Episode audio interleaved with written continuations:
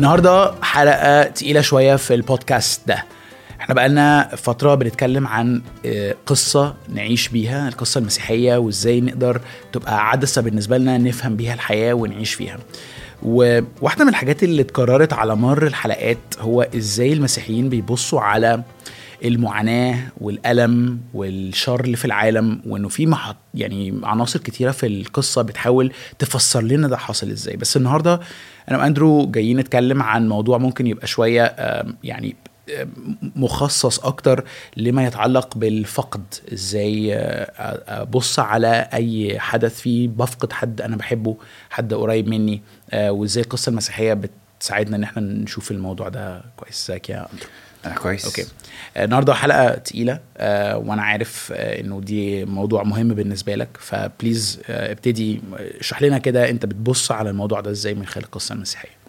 عايز ابتدي بإني أقول عناوين من ثلاث محطات في القصة وبعدين ممكن ندخل في التفاصيل.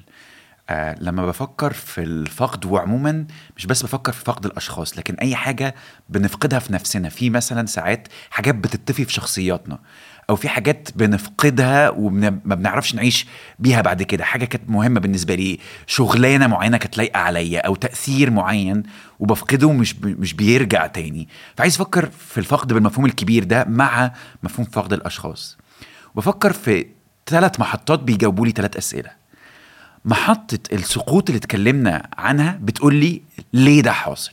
بتقول لي معاك حق إنك تبقى رافض ده وده حاصل لأنه مش ده العالم اللي ربنا صممه في الأول. فالدنيا ماشية بطريقة عكسية لأننا إحنا استقلنا عن الله. التجديد وشوية ابتدى في المسيح بيجاوب على سؤال مختلف. مش ليه ده حاصل لكن ربنا بيطلع من ده إيه؟ فربنا مش بيقول لي أنا بسيبك بتاعي أو بسيبك بتفقد حاجات. علشان أشكل شخصيتك أو علشان كذا لكن بيقول لي بص أنا هطلع من ده إيه؟ في أحيان كتير في الكتاب المقدس ربنا ما بيجاوبش على سؤال أنا ليه بتألم؟ لكن بيحاول يجاوب على سؤال أنا هطلع من ده إيه؟ وده اللي بيشاور عليه التجديد الأخير وشوية معجزات المسيح إنه هيطلع حاجة أعمق قوي من اللي أنت فقدته. لكن المحطة الثالثة اللي بفكر فيها هي محطة المسيح بالذات الجزء الأخير فيها وهو الصلب والقيامة. الجزء ده بيقول لي إيه؟ على فكرة ما تستغربش إنه ممكن يحصل حاجات هي أسوأ كوابيسك. الصليب فيه بتتدمر وممكن نتكلم عن ده تقريبا كل حاجة في حياة المسيح. وبعدين بيحصل قيامة مش بس بتسترد الحاجات لكن بتاخد ده لحاجة أبعد قوي. فما تستغربش إنه ممكن تفقد أشخاص ما, تف... ما تستغربش إنه في حاجات في حياتك ممكن تتشوه. ما تستغربش إنه في أوقات ممكن تبص على حياتك وتقول أنا حياتي اتدمرت لأنه في الصليب حصل تدمير كبير. لكن بعده بتحصل القيامة فده بيديني رجاء إنه ممكن بالبلدي كده تتجاب ظرافها لكن يطلع بناء أقوى قوي وأكبر قوي من اللي كان حصل قبليها. أوكي. يعني خليني أسألك كده أنت استخدمت كلمة ما تستغربش ما تستغربش ده المتوقع ده ال... ال... كده. ما أظنش الإحساس الغالب اللي عند أي حد بيفقد شيء أو شخص هو الاستغراب إيه ده, إيه ده؟ يعني أنا مستغرب لا هو بيبقى الحزن المرارة الإحساس بإنه أنا مش عايز أكمل أعيش يعني ف هايل. هي دي المشاعر اللي أنا مهتم بيها يعني. هايل. بس إيه بقى فكرة ما تستغربش ده؟ إنه اللي بقوله إن القصة المسيحية مش هتشيل من عندي المشاعر السلبية بتاعه الفقد لكن ممكن تحميني من إنه يبقى عندي مشاعر سلبية تانية زيادة ممكن ما تبقاش عندي اللي هي إيه؟ مشاعر اليأس. لما بقول ما تستغربش هنا بقول لك ما تحطش مع ألم الفقد ألم اليأس إنه حياتي باظت ومش هتتصلح. فبقول لك لا ابكي الفقد اللي عندك. لكن ما تزودش عليها اليأس. ابكي الفقد اللي عندك بس ما تزودش عليها إنه اللي حاصل ده ملوش أي معنى. بتقول لك إيه؟ آه اللي حاصل ده ملوش معنى بمعنى إنه مش ده التصميم الأصلي؟ بس مش ربنا معنى قصدك عبثي يعني عب... عبثي. أوكي. آه هو هو فعلا عبثي لأن الشر عبثي عشوائي مدمر. أوكي. بس بتقول بس في معنى ممكن يطلع ودي التفرقة اللي انت عملتها بتاعت إن في حاجات مش بحسب مسرة الله لكن تحت سلطانه. فمن الزاوية دي آه اللي حاصل ده بيدمرني ووحش وربنا رفضه لكنه بيقول لي بس القصة على بعضيها ليها معنى لأنه هيطلع منها حاجات مستاهلة حتى لو الموقف ده وهو واقف لوحده ملوش معنى. أوكي. فهمت قصدي؟ فهمت قصدك. أوكي. وهنا بقى عايز أدي قصة حقيقية حصلت مع المسيح بتلم لنا الخيوط دي مع بعض. وهي قصة آه، لعازر لعازر كان شخص آه، محبب آه، لدى المسيح وإخواته البنات كمان كان ليهم علاقة قريبة بالمسيح. واللي حصل إن أخوهم عي مرض فبعتوا مرسال للمسيح قالوا له اللي أنت بتحبه عيان فأرجوك تعالى اشفيه. والمسيح ساعتها اتأخر. وحصل حاجتين لما هو ابتدى يتأخر. كاتب القصة دي اللي بيدونها قال لما المسيح اتأخر أنا عارف إن ده هيوصل لك أيها القارئ كأنه مش فارق مع الناس دي. بس أنا عايز أقول لك المسيح كان بيحب آه، مرثا وأختهم ولعازر ودي أول حاجة بتتقال للشخص المتألم اللي بيفقد. أنا عارف إنه شعوريا لأنك فقدت شخص عزيز عليك أو لأنك تعرضت إن في حاجات في حياتك اتشوهت أول رد فعل جواك إنه أنا ربنا ما بيحبنيش أنا ربنا سابني. سابني أنا ربنا اتأخر عليا أنا ربنا بيشتغل في حياة ناس بس مش في حياتي أنا. فأنا عارف إنه ده الانطباع اللي ممكن يجي جواك. بس المسيح بعد كده بيقول جملة علشان كمان يأكد إزاي بحبك رغم إني استنيت إن ده يحصل. إن المسيح وهو بيتكلم مع أتباعه قال لهم هذا المرض ليس للموت بل لأجل مجد الله ليتمجد ابن الله به. وتعالى نفك الجملة دي. بيقول هذا المرض ليس للموت. عشان أقول لك بس يعني ليه محتاجين نفكها إن أنا أول ما أسمعها كده آه، الراجل ده مرض علشان أنا أبان جامد. برافو عليك. آه. كويس إن أنت إيه قلت كده بصورة واضحة اللي على الأولاني. أوكي. بس الجملة دي ما بتقولش كده لأن بتقول إيه؟ هذا المرض ليس للموت معناها إنه المو- الموت ليس مح- المحطة النهائية. لو أنت بتقول أنا بعمل كده علشان أتمجد الجملة الجزء الأولاني من الجملة يبقى معناه إنه هذا المرض ليس للموت إن الموت هو سبب المرض. ما أنت لو قلت إنه المجد هو السبب يبقى هذا المرض ليس للموت يبقى الموت كمان هو السبب. لكن مش ده المسيح بيقوله.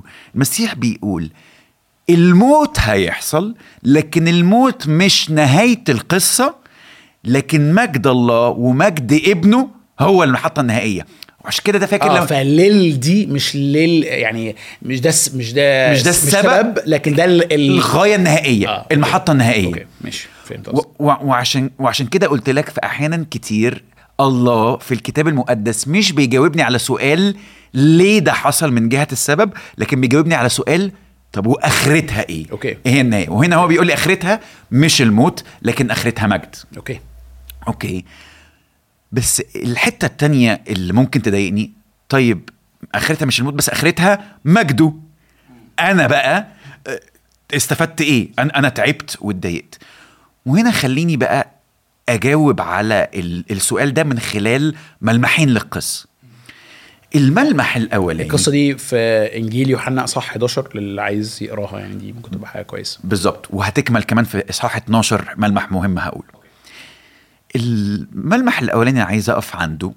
إنه المسيح لما راح بقى بعد ما اتأخر والعذر كان بقاله أربع أيام ميت قابل الأختين ورا بعض. هبتدي بالأخت التانية وهرجع للأخت الأولانية. الأخت الأولانية طلعت هي قابلته وواجهته. الأخت التانية ما طلعتش تقابله غير لما أختها قالت لها السيد عايز يتكلم معاكي. وده بيدي لي انطباع إنها اخذت على خاطرها. إحنا بعتنا لك وقلنا لك أخونا اللي أنت بتحبه مريض. كونك ما جيتش يمكن ده بيوصل لي إنه أنا مش مهمة عندك كفاية لا أنا ولا أخويا.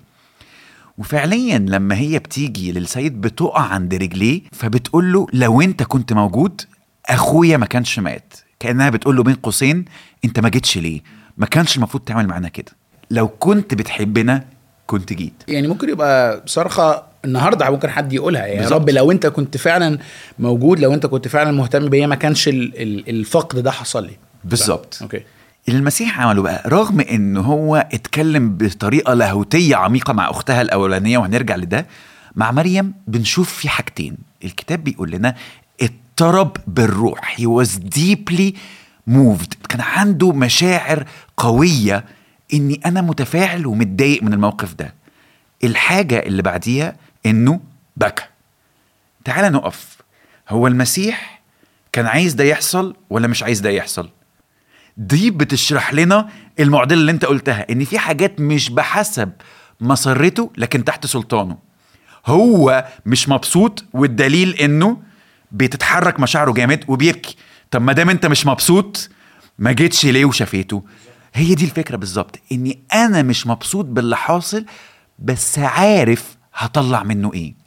وعشان كده مهم بالنسبة لي إنه نكمل القصة في يوحنا 12 لأنه بعد ما المسيح جه في المكان ده اللي كان مطلوب على فكرة إنه يتقتل فيه فجه وهو بيعرض نفسه للخطر وواحد من تلاميذه علق على ده إنه هنروح بقى نموت معاك لما تروح هناك. صح. وجه وعرض نفسه للخطر وأقام لعازر.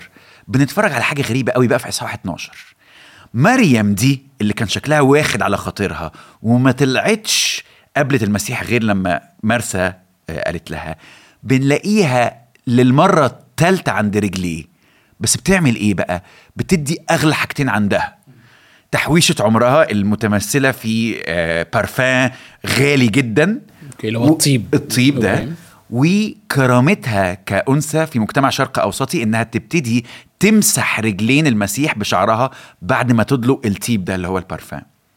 إيه اللي حصل هنا؟ هنا بنبتدي نشوف معنى مجد الله ومجد ابن الله. إنه إنجيل يوحنا بيتكلم إنه المجد إنه هو التقل الداخلي في الشخصية اللي بيبان بره من خلال الحلاوة والبهاء والحاجات البراقة. فمجد ابن الله إنه ورى قد إيه أنا بحب وقد إيه أنا مهتم وقد إيه شخصيتي تقيلة والمجد ده بيشارك معدي مؤثر. فمريم نفسها اتمجدت تقلت فبقت الحاجات التانية المهمة في حياتها أخدت وزن أخف إدت أغلى حاجات عندها. لما شافت قد إيه هي محبوبة وقد إيه المسيح ده تقيل فلا ده من حقي أديله كل حاجة عندي أوكي فأنت بتحاول تجاوب على سؤال إزاي في القصة دي مش بس المسيح هو اللي بيتمجد أي إن هو بيبان قوته وبهائه وسيطرته على الموت بس إزاي كمان مريم بتتمجد إنه شخصيتها بتتقل كلمة مجد كابود دي بالعبري. إن هي تقل يعني شخصيتها تقلت وقويت ممكن معلش أسألك حتة هنا أكيد. ممكن حد بيسمع القصة يقول إيه يعني آه، بلا مجد بلا بتاع أنا عايز الألم ي- ي- يروح يعني فاهمني؟ هايل قوي. السؤال اللي انت بتسأله ده هيرجعني بقى إني أتكلم عن الأخت التانية. أنا عايز الألم يتشال آه بس لو دورت جوايا هلاقي إن أنا مش بس عايز الألم يتشال. وخليني أشرح ده وأقول إيه علاقته بالأخت الأولانية. بص يوسف أنا آه، شخص بيصارع مع الاكتئاب. وفي الاكتئاب لما بيشد عليا ببقى حاسس إنه أنا مش عايز الشعور ده يكمل. أنا عايش في جحيم. أنا عايز الموضوع ده يقف. بس في مرة وقفت كده فكرت وأنا بتكلم مع واحد صاحبي. افرض إنه حياتي انتهت مش. مش بالضرورة إني انتحرت بس إنه إيه يا رب أنا تعبت من الصراع مع الاكتئاب أو تعبت من الصراع مع الفقد انهي حياتي. هل هينفع أو هل أنا عايز ألخص حياتي بإنه الحمد لله أنا تخلصت من أكبر قدر من الألم؟ هل دي طريقة ينفع ألخص بيها حياتي؟ لا أنا هبقى عايز أقول إيه؟ في جوايا قيم تاني أنا نفسي ألخص بيها حياتي. أنا نفسي أقول إنه أنا عشت حياة كويسة. أنا نفسي أقول أنا عشت حياة ليها معنى. أنا نفسي أقول أنا حبيت واتحبيت وأثرت. يعني قيمة الحياة مش ب... مش بتتقاس بتجنب الألم لكن باكتساب أشياء إيجابية زي اللي أنت قلتها. وهنا كأنه جوايا قيمتين بس في قيمة بيبقى صوتها أعلى تحت الضغط. تحت الألم والفقد صوت الراحة والتخلص من الألم بيبقى أعلى. لكن ده مش معناه إن دي أعمق رغبة جوايا مش إن ده أعمق احتياج جوايا. طب إيه علاقة ده بالأخت الأولانية؟ لما المسيح جه والأخت الأولانية قابلته قالت له بالظبط الجملة اللي قالتها الأخت التانية يا سيد لو كنت ها هنا ما كانش أخويا مات. فابتدى يدخل معاها في محاجه كبيرة في جزء منها راح قال على فكرة أنا هو القيامة والحياة. من آمن بي ولو مات فسيحيا. أنا بفهم الجملة دي إزاي؟ بفهمها من شقين. الشق الأولاني يا مرثى أنا عمق الحياة. اللي بيخلي الحياة كويسة وتتعاش هو أنا مش الحاجات ولا الأشخاص. وده يا يوسف اللي إحنا حاولنا نشرحه من خلال أكتر من محطة في القصة المسيحية. إنه فعليا اللي بيفعل حياتنا اللي بيخلي حياتنا ليها معنى اللي بيخلي حياتنا كويسة مش ظروف ومش حاجات لكن الاتحاد بالله. وفاكر لما اتكلمنا عن فكرة الأب اللي عنده ابنين والابن الصغير حاول يخلي حياته كويسة بإنه يطلع بره البيت ويعيش بالفلوس؟ وقلنا إيه أكتر حاجة كان محتاجها؟ مش إنه يرجع للبيت مش إنه ياكل أكل كويس وهدمة كويسة لكن كان محتاج الأب نفسه. فالمسيح هنا بيقول على فكرة أخوي مهم جدا. الشغل مهم جدا. الحاجات اللي في شخصيتنا مهمة جدا. الممتلكات مهمة جدا. بس مش ده عمق الحياة. مش ده اللي بيخلي الحياة كويسة. لكن أنا الحياة وأنا القيامة. يعني إيه أنا القيامة؟ يعني أنا لو موجود في حياتكم أنا المسؤول إن أي حاجة تتشوه أي حاجة تبوظ أي حاجة تفقد أو أي شخص يفقد مش بس أرجعه أرجعه في النسخة المعدلة أرجعه أحسن مما كان. عشان كده المفكر المسيحي سي إس لويس بيقول مفيش حاجة هتوصل لصورتها النهائية اللي هنعيش بيها في سماء جديدة وأرض جديدة لو ما ماتتش في الأول. فكرة إن الحاجات تتحط في مكانتها الصح الأخ يبقى أخ مش مخلص. العمل يبقى عمل بفعل فيه نفسي مش وسيلة باخد بيها قيمة. قيمتي. ففي العالم ده في حاجات بتفقد علشان تتحط في مكانتها الصح وعلى فكرة هيردها لنا مش زي ما كانت. هيردها في ثوب أفضل. وده الشق التاني اللي بفهم بيه كلام المسيح.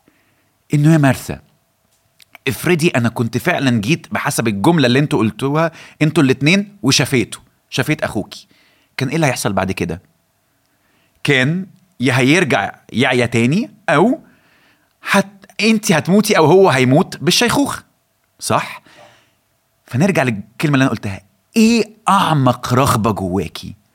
مش بس إنك ما تبقيش متألمة دلوقتي عشان فقدتي أخوكي بس أعمق رغبة جواكي إنك تعيشي في عالم ما فيهوش فقد. تعيشي في عالم ما فيهوش مرض. تعيشي في عالم ما فيهوش ظلم ما فيهوش تحرش ما, فيها ما فيهوش شغل مش لايق عليا. طب وإيه اللي حاولنا نقوله على مدار القصة المسيحية؟ إن الشوق ده بيشاور على ما خلقنا لأجله إن إحنا نعيش مع الله في عالم جديد. وإنه العالم ده مش هيجي غير لما إحنا نتغير الأول. إحنا محتاجين نتظبط من جوانا علشان نبقى جاهزين نعيش في العالم ده. العالم ده مش بس ظروف فنقول طب ما تجيب العالم ده دلوقتي؟ لكن العالم ده بيجي نتيجة إنه المسيح عمال بروحه يشكل فينا ويجهزنا نعيش للعالم ده. كأنه فاكر لما أنت قلت لي السمك حريته إنه يعيش جوه المية؟ خليني أستخدم المثال ده وأقول لك تخيل كده إنه اكتمال الملكوت هو إن إحنا نتعلم نتنفس تحت المية. العالم اللي إحنا عايشين فيه ده بقى بنتدرب يعني إيه ابقى عايش طول الوقت تحت المية وعايش كويس. فالمسيح بيسمح إن في أشياء وفي أشخاص وفي حاجات بنفقدها ودي حاجة وحشة وبيعيط معانا وبيضطرب بالروح معانا وده مش بحسب مسرته. أمال ما بيجيش ليه؟ لأنه بيبقى عارف إزاي هو هيتفاعل معانا ويشتغل معانا فيطلع مننا تقل يجهزنا إن إحنا نعيش في العالم الآتي ده للأبد أوكي. وفي العالم ده عندنا رجاء إنه أحبائنا اللي فقدناهم هنشوفهم تاني ومش بس بقى هنسترجع العلاقة ده هنعيش العلاقة بطريقة أعمق قوي من أي وقت ليه؟ لأن العالم الآتي ما فيهوش مرض ما فيهوش موت ما فيهوش خناقات ما فيهوش بنفهم بعض غلط ما فيهوش كل واحد بيحاول يستغل الآخر أو يسيء فهم الآخر أو يطوع الآخر لأجندته. فده يديني رجاء إن الناس اللي أنا فقدتهم هينفع أشوفهم تاني ومارس معاهم العلاقة بطريقة أعمق من اللي كان قبل كده. بس حاول أستخدم أو أستغل الصراع اللي أنا فيه ده إني أتشكل عشان أبقى جاهز للعالم ده. يعني بكلمات تانية في ناس تقول إيه؟ ده أنا علاقتي بفلان بابا أو أخويا أو أو أو كانت ابتدت تتصلح. يعني بعد ما ابتدت تتصلح صح. بيحصل متاخد كده. يقوم متاخد مني اللي بقوله ده عندك رجاء بقى إنه التصليح ده بيقول إيه؟ اهي ابتدت تفك وابتدى يبقى في حاجة حقيقية. استغل الموقف اللي أنت فيه بقى لأن العلاقة مش بس هتسترد ده ينفع تروح حتة أبعد قوي. وهي دي بقى جملة أنا هو القيمه والحياة إنه لو أنا عندك ومديني حياتك أي حاجة فقدتها أو أي شخص راح منك أنا هرجعه في ثوبه الأعمق في نسخته الأفضل والمعدلة اللي ينفع تعيش معاها بالأبد لأني بقيت أنا المحور مش الحاجات دي اللي كنت بتعملها كالمحور. كلام صعب. يعني أنا عارف إن أنت بتقوله مش بس من دافع آه، معرفة لكن كمان من دافع اختبار شخصي.